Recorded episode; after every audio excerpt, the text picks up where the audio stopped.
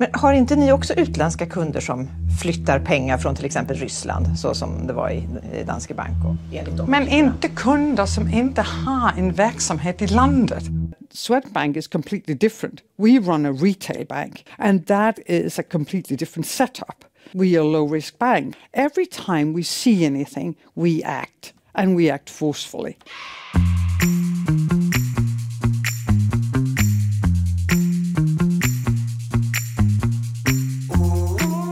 Det fick ni ett exempel på vad som senare verkligen eskalerade till en ganska rejäl förtroendekris.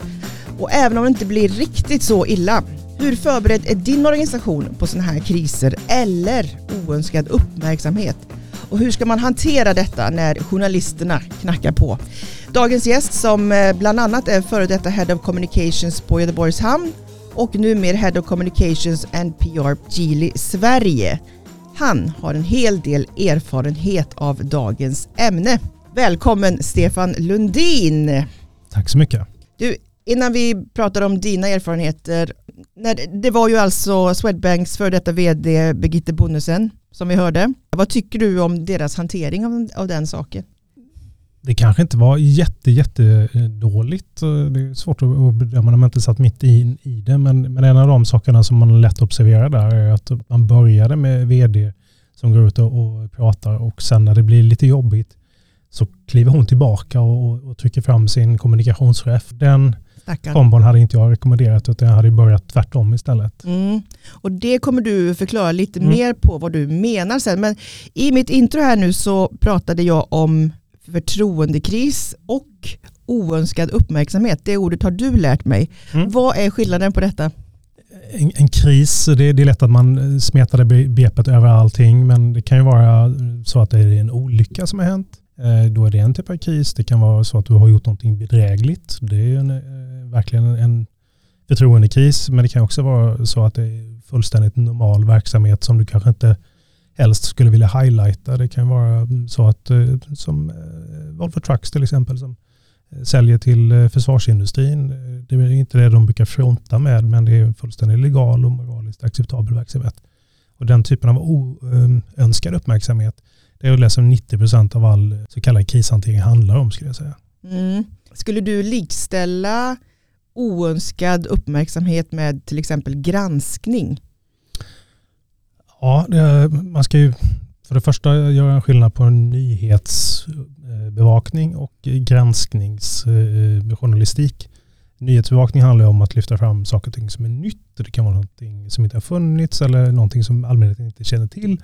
Men en granskning kan vara allt ifrån att du avslöjar någonting till att du, du tittar närmare på någonting. som speciell industri eh, kan vara allt från vindkraftens utbyggnad i Norrland och hur den ser ut till eh, djupdyka i ett företag som Ericsson och deras affärer i, någonstans i, i världen till exempel. Mm. Men du har ju fått erfara en hel del. Mm. Ja, kallar du det för granskning eller oönskad uppmärksamhet? Då pratar vi framförallt i din roll som PR-ansvarig på Geely då, i mm. Sverige, kinesägt bolag. Eh, nej men så här, eh, när vi pratade vid ett tillfälle innan så eh, frågade du om jag förstod varför media var så intresserade av oss och nyfikna på oss. Och det beror på att ja, vi är ett jättestort företag, vi har en jättestor närvaro i Skandinavien och därmed blir det också relevant och intressant att faktiskt bevaka oss och det vi gör. Eh, jag har full respekt för, för media att eh, de har intresset för oss och ska ha oss under luppen. För vi har en så stor betydelse i samhället och inte minst i Göteborg där vi är en väldigt stor arbetsgivare. Mm.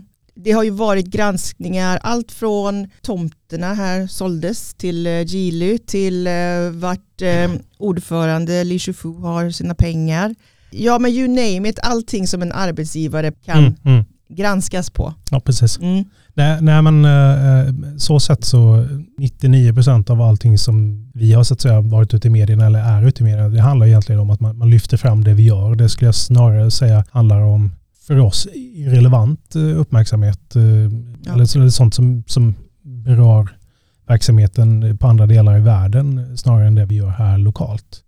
Det som eh, egentligen eh, var ett tillfälle, det var när Svenska Dagbladet gjorde en, eh, en liten undersökning att vi hade missat en flaggning, som det heter i börssammanhang, där vi gick från röstandel som var 14,99 procent till en röstandel på över 5,01 procent ungefär. Där hade vi faktiskt gjort oss skyldiga till någonting och vi behövde reglera det tillsammans med Finansinspektionen.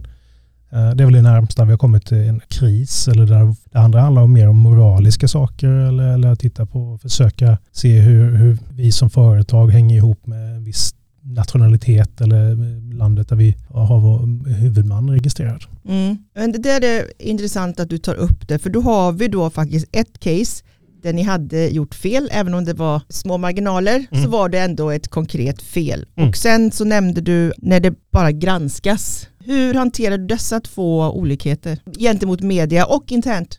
Eh, Ja, det är faktiskt lättare än man tror när det gäller där vi har gjort fel. Då handlar det om ett sakförhållande. Vi skrev ett brev till eh, Finansinspektionen, de eh, utredde frågan, kom tillbaka till oss med, med ett eh, vite som vi sen betalade och så var det liksom klart och färdigt. Och då sa du det till media då? Då sa jag det till så. Svenska Dagbladet i det här fallet, förklarade vad läget var. Så var det utrett och så var det ingenting mer med det och det har inte dykt upp någonting mer kring det sen. Och det här fallet då när det bara granskas och granskas. När det gäller de här pengarna, ja det kan man ju fundera på om det är moraliskt, men olagligt är det ju inte. så här att alla eh, globala företag som arbetar internationellt eh, har eh, helt lagligt registrerade bolag på Cayman Islands och British Virgin Islands och andra ställen. Du har till exempel lagstiftning som gör att amerikaner och amerikanska bolag kan inte göra affärer direkt med bolag i Kina. Eh, och då sätter man bolag på andra ställen. Det kan vara i Sverige som är ganska gynnsamma eh, regler men det kan också vara på Cayman Islands. Vilket med amerikanska ögon sett inte alls är konstigt eller kontroversiellt och inte heller med kinesiska.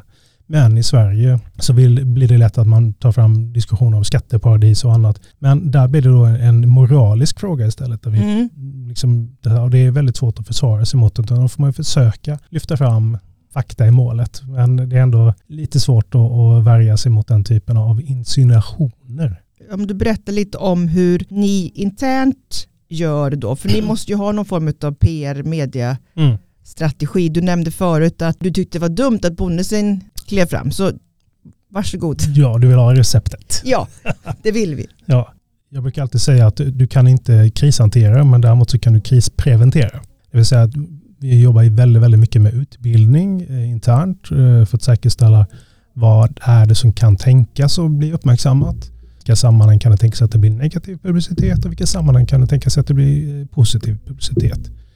Eh, så utbildar jag inte, inte bara de som jobbar med kommunikation utan med de som jobbar med juridik och finans och annat. För det kan ju vara så enkelt som att vi har en, en försenad betalning som riskerar att hamna i något system där man får en, en notering och då är det offentlig handling och så kan det komma en rubrik att Chile är hos Kronofogden eller liknande.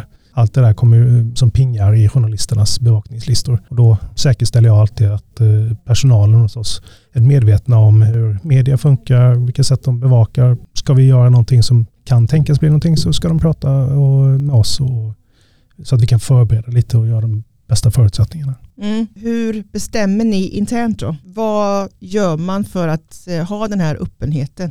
Mm. När jag började med min nuvarande tjänst 2019 så hade vi en, haft en ganska lång period av att bara ha en presskontakt i Kina.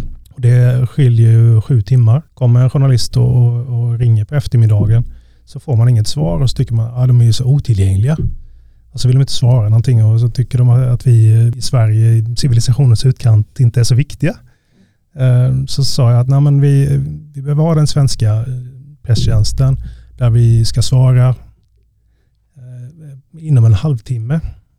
Eh, och ett- åtminstone konfirmera att vi har fått frågan och sen beroende på komplexiteten i frågan så kan det ta en, två dagar eller veckor beroende på. Men att hela tiden vara tillgängliga och även i de fallen vi inte kan ge en kommentar så ska vi i så fall säga att vi kan inte kommentera. Mm. Men vi ska i alla fall lyfta på luren och svara. Mm. Varför har ni bestämt det? Ja, för att vi eh, vill inte egentligen bli utmålade som att vi, vi eh, duckar eller eh, döljer någonting. Mm. Sen en annan sak som är, som är eh, väldigt viktig eh, internt, det är att jag som eh, pressansvarig alltid är informerad om det som pågår i bolaget så att jag kan vara förberedd. Det är A och O. Men får du reda på alla inom citationstecken företagshemligheter då? Eller hur ska man dra gränsen där? Det är nog väldigt olika. Eh, de flesta tycker att jag är en ganska nyfiken eh, typ. Man, man tänker ofta att pressansvarige vill ta allting och skicka ut i media direkt.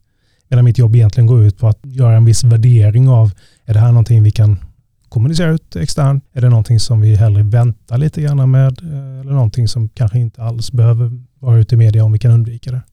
Ja. Syftet med det är också då att om det blir någonting, en granskning eller någonting. Så ska jag vara förberedd.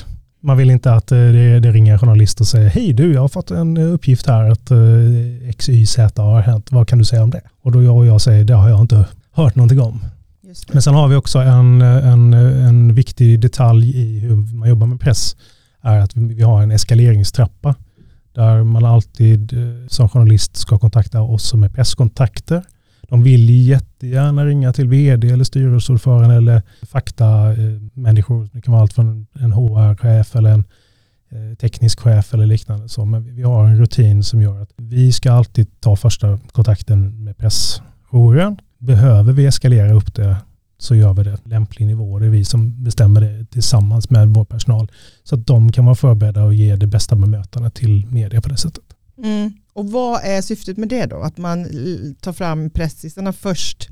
Frågar du journalister så eh, är det lätt hänt att de tycker att ja, men det där är bara för att obstruera och, och så. Men själva poängen är att de allra flesta som har blivit intervjuade någon gång vet att det är ganska jobbigt. Mm.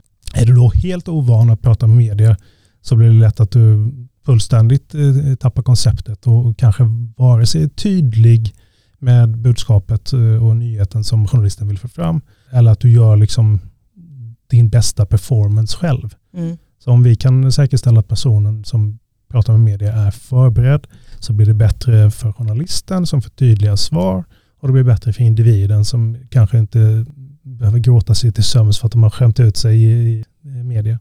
Men hur viktigt är det med sån här så kallad mediaträning då för ledningsgrupper framförallt och vd? Du, jag skulle säga att det är en myt. Uh, lite intervjuträning, ja.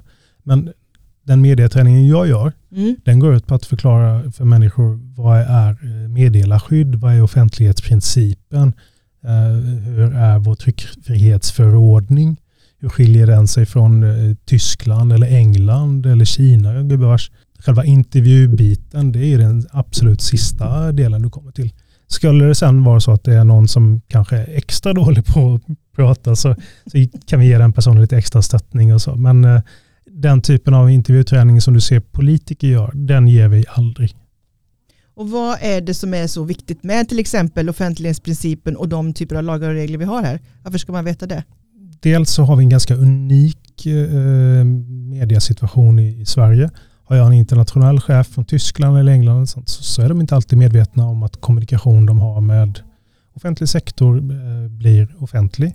Just det kan vara att eh, Volvo Cars sökte bygglov för en, eh, eller tillstånd för en eh, lackeringsfabrik. Jag tror att min kollega på Volvo Cars i det sammanhanget inte var riktigt förberedd när jag läste intervjun som sen blev. För då var det någon journalist på, på GP i det fallet som hade fått en ping i synlighetsbevakning och ringde direkt. Vad är det som ni söker bygglov för nu där ute? Och vederbörande inte direkt kunde svara på det. Sen är det också så här att eh, eh, det är väldigt lätt hänt att tro att man måste svara på journalisters frågor. Vilket faktiskt inte är sant för media är ingen myndighet. Jag hör dig prata om dina erfarenheter och hur ni arbetar som press och kommunikationsansvarig. Du måste ju vara ganska tufft då? För ibland så kan det ju vara så att internt så görs det någonting som absolut inte du har något eh, mm. mandat att styra över. Och, och du, det, det, känns i din kropp att det här, det här blir inte bra. Alltså det här, här kommer hända någonting. Mm. Hur, hur hanterar man det? Ja, men det är också olika. Jag har alltid som princip eh, en överenskommelse med min vd eller den jag arbetar för. Att jag behöver ha kunskap och insikt i vad som sker. Och jag behöver också eh, att någon faktiskt lyssnar på mig när jag flaggar för att det här kan det här kan bli dåligt, det här är ingenting vi ska göra. Eh, och har jag sedan flaggat för det och eh, vederbörande ändå går vidare med det, då tar jag inte ansvar och ställer mig där som en Bagdad Bob. För min egen skull så krävs det att man måste kunna stå för det bolaget gör. Ja. Om du då inte vill stå där som Bagdad Bob i din pressroll, skjuter du ändå fram då vederbörande eller vad händer då? Ja, det är ju lite olika. Första rollen man har är att säkerställa att processen går till på rätt sätt. Att eh, vi förbereder intervjun, att vi får underlag på frågor. Sen gör vi en, en bedömning. Är det här en fråga för vd eller för en, en sakexpert eller en styrelseordförande? Det beror lite på vad det gäller. Ja just det, så det, det är ändå någon slags krattning av manege trots allt. Inte bara ja. så att du säger skyll er själva, jag drar, hej då. nej, nej, nej. nej men min, min främsta uppgift är ju att vara en, en lite grann en krockkudde för resten av bolaget. Eh, I en, I en riktig kris, alltså inte, inte en förtroendekris utan en kris där det sker en olycka eller någonting i verksamheten, då behöver ju vd och, och mellanchefer och annat eh, fokusera 100% på att lösa situationen där och då. Mm. Och då kan de inte liksom göra sig tillgängliga för att hålla på och prata med, med media hela tiden. Det såg man under pandemin till exempel. Anders Tegnell och gänget la ju jag vet inte hur många timmar på att bara vara tillgängliga för media. När de kanske också skulle behöva lägga minst lika mycket tid och mera till på själva sakarbetet. Men, men just det fallet så handlar det ju om att bygga ett förtroende och stå stadig där. Och det är ju en roll som, som han spelade med bravur. Men hade det handlat om ett eller två eller tre tillfällen då hade det kanske räckt att ha en talesperson på plats och sen att Anders Tegnell när själva krisen var över hade kunnat gå ut och prata så. Och det, och det kan man väl säga att i, på det sättet så agerade faktiskt Anders Tegnell som en, en presskontakt för hela myndigheten. Mm. Men en annan sak är ju då när högsta hönset i ett bolag gör något dumt. Vi har sett eh, exempel på det här i stan, i Göteborg. Va, vad gör man då som pressansvarig? Hur hanterar man en sån sak? Ja du, det är en mycket bra fråga. Nej, men eh, skämt åsido. Har man eh, gjort någonting oegentligt, då får man ju stå sitt kast. Då handlar det mer om att, eh, så att säga, göra det bästa av en dålig situation. Att säkerställa att all, all relevant fakta som kommer fram, att eh, personen inte blir jagad med, med facklor och, och olja och, och, och, fjädrar. Utan eh, ge den personen en möjlighet att komma till tals på ett bra sätt. Precis som i en, i en eh, rättegång där du har tillgång till både en åklagare och en försvarare. Just det. Det, det går liksom inte att, att täcka över och, och spinna bort. Eh. Ja, ja. Men, eh, men där då, för det låter ju lite som att du får vara strateg, eh, barnvakt, eh, dämpare, medlare mm. i din roll. Och eh, om man nu ska vara också barnvakt åt, åt någon vd då, hur skapar man det förtroendet? Ja, det, det är en bra fråga faktiskt. Jag brukar säga att man, ehm, presskontaktens roll eller kommunikationschefens roll är att vara hälften polis och hälften barnvakt. Det handlar ju om att vara eh, support och, och stöttande och, och, hjälpa eh, ledning i övrigt att kommunicera och prata. Och den funktionen är ju väldigt sällan som någon eh, protesterar mot. Eh, men däremot den här polisiära funktionen där man säger att du tar inte på dig de byxorna eller säg inte den saken, ta inte det beslutet. Den funktionen är inte lika populär. Nej. Och där måste man förtjäna sin, sin trovärdighet. Och jag tror att det är svårt att få den trovärdigheten med annat än att du faktiskt visat vad du går för. Så att du behöver jobba dig fram och uppåt i, i, i, i området. Mm. Man måste vara, det låter som man måste vara ganska så smooth operator i de här Ja, eller åtminstone vara konsekvent och eh, stå för, för det du gör. Men nu har vi pratat lite om vad som händer internt, det vill säga hur man förbereder sig och organisationen för om en granskning eller oönskad uppmärksamhet eller förtroendekris eh, inträffar. Men om det väl har hänt då och mm. drevet är igång, vad gör man då som public relations manager? Då tar man ett djupt andetag och sen informerar man internt. Man pratar med eh, sin vd men man pratar också med personalen i övrigt som kan vara berörd men man säkerställer också att det finns information till i princip alla anställda i, i bolaget. För kommer det ut eh, rubriker i tidningen och eh, folk börjar läsa det här och deras mammor börjar läsa detta och, och makar och barn och andra och börjar ställa frågor. Vad är sant? Är detta sant? Har detta hänt? Så är det väldigt viktigt att du har först informerat internt innan du gör någonting annat. Att du uppdaterar och ser till att alla håller sig eh, informerade om, om läget och vad som faktiskt är sant enligt bolagets sätt att se på saker och ting. För det som händer annars är att eh, du får väldigt mycket åsikter och baksäteschaufförer som vill eh, hjälpa till och rädda dig eller i värsta fall hugga huvudet av dig för att du har sagt någonting dåligt för att de inte har hela bilden. Mm. Så intern information bakåt är prio ett. Sen hanterar du journalister och jobbar utåt så att säga. Även mot leverantörer och samarbetspartners och stakeholders i olika sammanhang. Just det, så alltid internt först. Ja. Mm. Hur gör man det bäst då? Är det mail? Är det vd som går ut och pratar? Vissa kanske jobbar i fabrik. Mm. Alltså, det finns ju olika... Ja, precis, det, det, finns ju olika delar. Jag skulle säga att, att du har en kanske daglig briefing. Eh, har jag gjort vid någon tillfälle med ett antal nyckelpersoner. Och sen att du gör en summering på mail som du skickar till med den så att säga, allmänna eh, delen av företaget. Mm. Och har du fabriksanställda eller andra eh, som jobbar ute i verksamheter som, där du inte har tillgång till mail, ja, men då ser du till att alla chefer är informerade och så ger du dem eh, explicita uppdraget att kommunicera det här på arbetsplatsträffar eller, eller samlingar. Bra. Och sen då när man har gjort detta och man gör mm. det här dagligdags, hur hanterar man då de kära journalisterna? och alla andra som är oerhört intresserade av vad som hänt? Ja, det beror lite på vad det, vad det gäller. Men eh, för det, i de allra flesta fallen så, så handlar det egentligen bara om att göra sig tillgänglig, sätta sig och, och svara i telefonen, ta upp eh, frågor.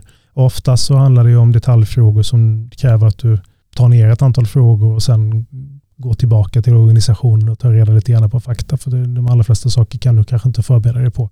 Du behöver ju aldrig eh, känna att du, du ska svara med en gång. Utan det är ju precis som i alla sammanhang om, om någon frågar dig eh, out of the blue detaljer så, så kanske du behöver lite tid på dig och kolla efter för, först vad är liksom facit. Mm, och sen finns det ju allmänna råd kring de sakerna. Det, och det här, då kommer du in på intervjuträning eh, snarare att när du svarar så ska du, du ska aldrig spekulera. Det är väldigt tyvärr vanligt skulle jag säga i, i bland journalister att ställa frågor väldigt öppet. Man vill inte gärna ha ett ja eller nej svar. Men då blir frågan kanske hur förhåller ni er till att? Och den typen av fråga den kan du svara på 10 000 olika sätt. Liksom hur långt är ett snöre? Och börjar jag då liksom ah, spekulera och resonera med mig själv i svaret och sånt så, så journalisten gärna lite tyst och så blir du lite nervös och så börjar du svara ännu längre och så helt plötsligt så har du berättat en, en, en hel roman eh, där, där du ja, sagt saker och ting som du aldrig hade tänkt att du skulle säga. Och som, mm. det, det gäller att svara på det som frågas efter och eh, inte så mycket mer. Men om du får en sån fråga, då, en helt öppen fråga, mm. hur förhåller sig Geely till att eh, det är fabriker i Belarus? Ja, då kan man eh, till exempel ha ett eh, förberett statement eh, som är lite mer allmänt. Eh, att vi kommenterar inte på politiska frågor. Eller vi kommenterar inte på rykten eller spekulationer. Eh, alternativt när det handlar om sakförhållanden så har vi en, en förhållningspolicy att vi följer alltid lagar och regler på de marknader där vi befinner oss. Det är inte svårare än så. Nej om, om ni har knep så att säga på den sidan, vad mm. har journalisterna för knep förutom det här att ställa milsvid öppna frågor? Ja du, det är en lång, lång lista med, med olika tekniker. Det är ganska intressant. Det, det kan de flesta se som har eh, eh sett ett, upp, eh, ett avsnitt av granskning eller läst någon form av eh, granskande artikel. Väldigt vanligt är till exempel att man stressar intervjuofferna man eh, eh skickar kanske en fråga med en, med en deadline. Eh, det brukar du inte göra om det handlar om vanlig nyhetsrapportering för då vill du säkerställa att personen kommer tillbaka med, med över, liksom, övervägd fakta. Men eh, vill du stressa vederbörande lite så kan jag säga hej Linda. Jag skulle vilja eh, be om en kommentar på den här saken eh, och jag vill att eh, du återkommer senast klockan fyra i eftermiddag. Men vad skulle annars hända då om jag inte gör det? Vad menar de med det? Jo, det som händer då är att eh, om du inte återkommer så kommer de garanterat skriva vi har sökt Linda för svar men inte fått något kommentar eller hon har gjort sig onåbar. Och då har ju du genom att inte medverka implicit sagt att det journalisten hävdar eller uttrycker är rätt. För du vill inte svara. Och hur ska man göra då istället? När de säger så, kom tillbaka innan klockan 18. Ja, då, då kan man ju komma tillbaka med ett eh, mer generellt svar. Eller så får man helt enkelt bara säga att men jag är ledsen, du, du har eh, ägnat sex månader åt att researcha den här nyheten eh, och ge mig två timmar att komma tillbaka med detaljsvar. Det jag behöver kolla med huvudkontoret som kanske midnatt deras tid nu. De är inte tillgängliga för imorgon. Du får ge oss eh, liksom två, tre dagar här.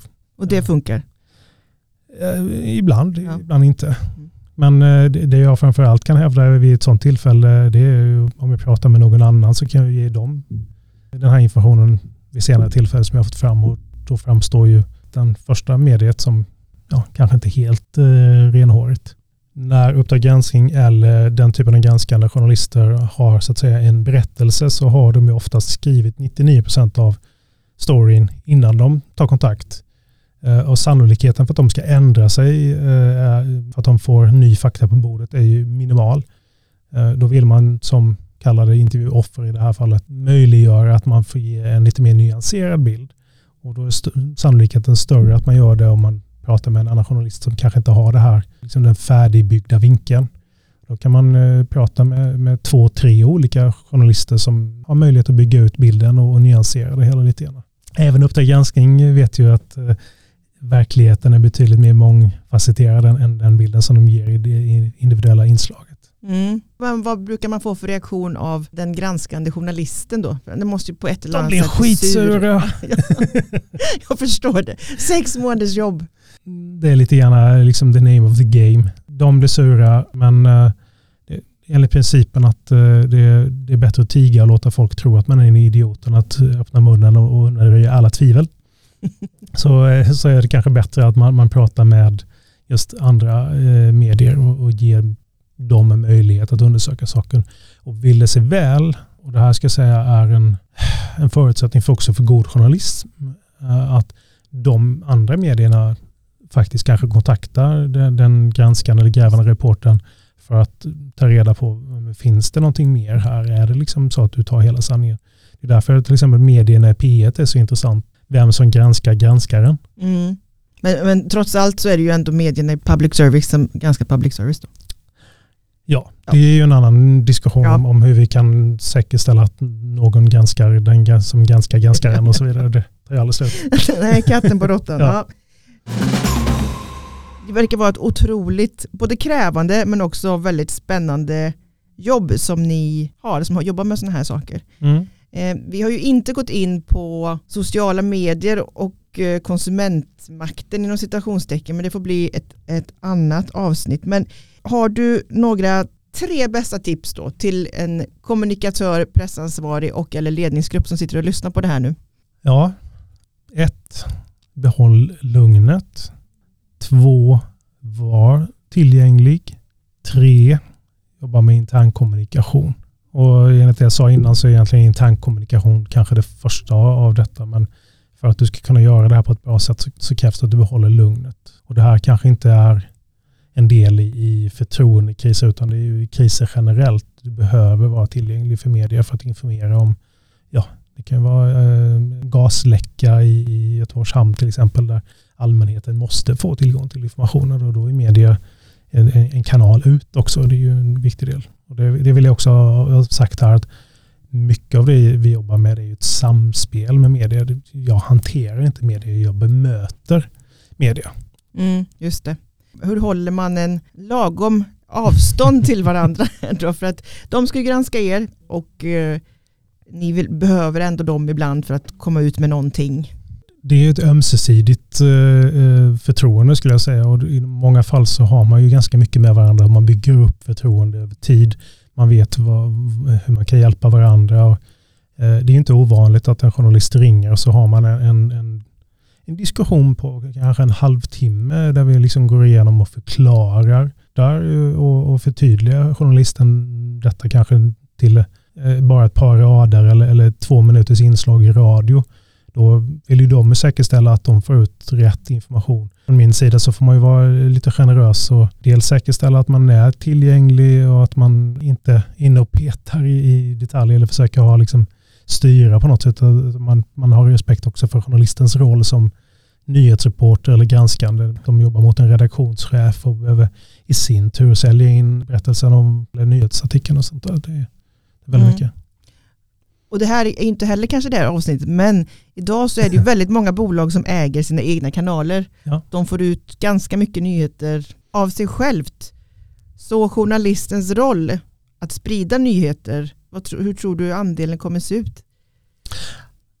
Jag, jag är en sån boomer så att eh, jag har som vana att jag läser alltid Orvesto. Undersökning. Ja, som, som visar hur många som läser eller hur stor upplaga en, en tidningspublikation har. Eh, Dagens Nyheter eh, tror jag ligger någonstans två miljoner i upplaga. Aktuellt och, och, Sveriges Radio och Ekot och de ligger också på en miljon publik varje dag. Sådana siffror har inte du i dina egna små sociala kanaler. Eh, får de, eh, Hanif Bali som är en sån här eh, stor gigant på Twitter. Mm. Han kanske når ut till 20-25 000 personer. Är ingenting jämfört med de här stora räckviddsmedierna. Så det kommer dröja innan de har spelat ut eh, sin roll och jag tycker det är viktigt att vi har den funktionen med utbildade journalister som eh, faktiskt gör faktagranskning och källkontroll och ser till att vi får nyheter vi kan lita på. Ja, Bra sagt. Och sen det jag kommer ta med mig härifrån, jag jobbar inte med pressen så som du gör, det är ju att se till och hålla dig informerad så att du vet vad som pågår internt. Stämmer. Bra, vad ska du göra nu Stefan? Klockan är två, en tisdag. Nu ska jag ta mig till kontoret för att förbereda en intervju med Bloombergs nästa vecka med min vd på eh, Gilly Sweden Holdings faktiskt. Mm. Och har du då bett att få de här frågorna i förtid? Ja, några av dem. Journalisten i fråga har så jättemånga olika ämnen hon är intresserad av. Så jag bara att, eh, att hon skickar ett mejl med, med ämnena som hon vill prata mm. om så att eh, vi kan kolla lite grann förbereda oss. Är man inte förberedd, antingen så kan man bli väldigt svamlig eller så kan man bli väldigt kortfattad och inget av dem gillar journalister. Så hinner man förbereda sig lite och tänka igenom sina svar så blir det mycket bättre reportage. Mm. Men stort tack för att du kom hit och eh, delade med dig av all din erfarenhet och framförallt det du varit med om i jobbet, väldigt bjussigt. Tack. Och eh, om man vill eh, kontakta eller följa dig, vart gör man det bäst? Eh, man kan följa mig på LinkedIn. Jag är oftast ganska personlig där. Jag delar med mig ganska mycket den kanalen är inte min liksom, företagskanal utan det är mitt privata konto. Det, där kan jag bjussa på lite tips och, men, och även se vad som händer och så. Annars så finns jag på Lindholmen i Göteborg. Sitter på Uni3 by Geely. Fick du det sagt också. Och eh, stort tack till er som lyssnade. Mitt namn är Linda Larsson och jag är kundansvarig här på Rubrik och vi är en kommunikationsbyrå inom More Alliance. Vill du komma i kontakt med oss så gå in på rubrik.se och eller besök morealliance.se. Och tryck nu på prenumerera-knappen i din podcast-app så du inte missar kommande avsnitt med fler goda tips och råd för dig som kommunikatör och eller medlem i ledningsgrupp.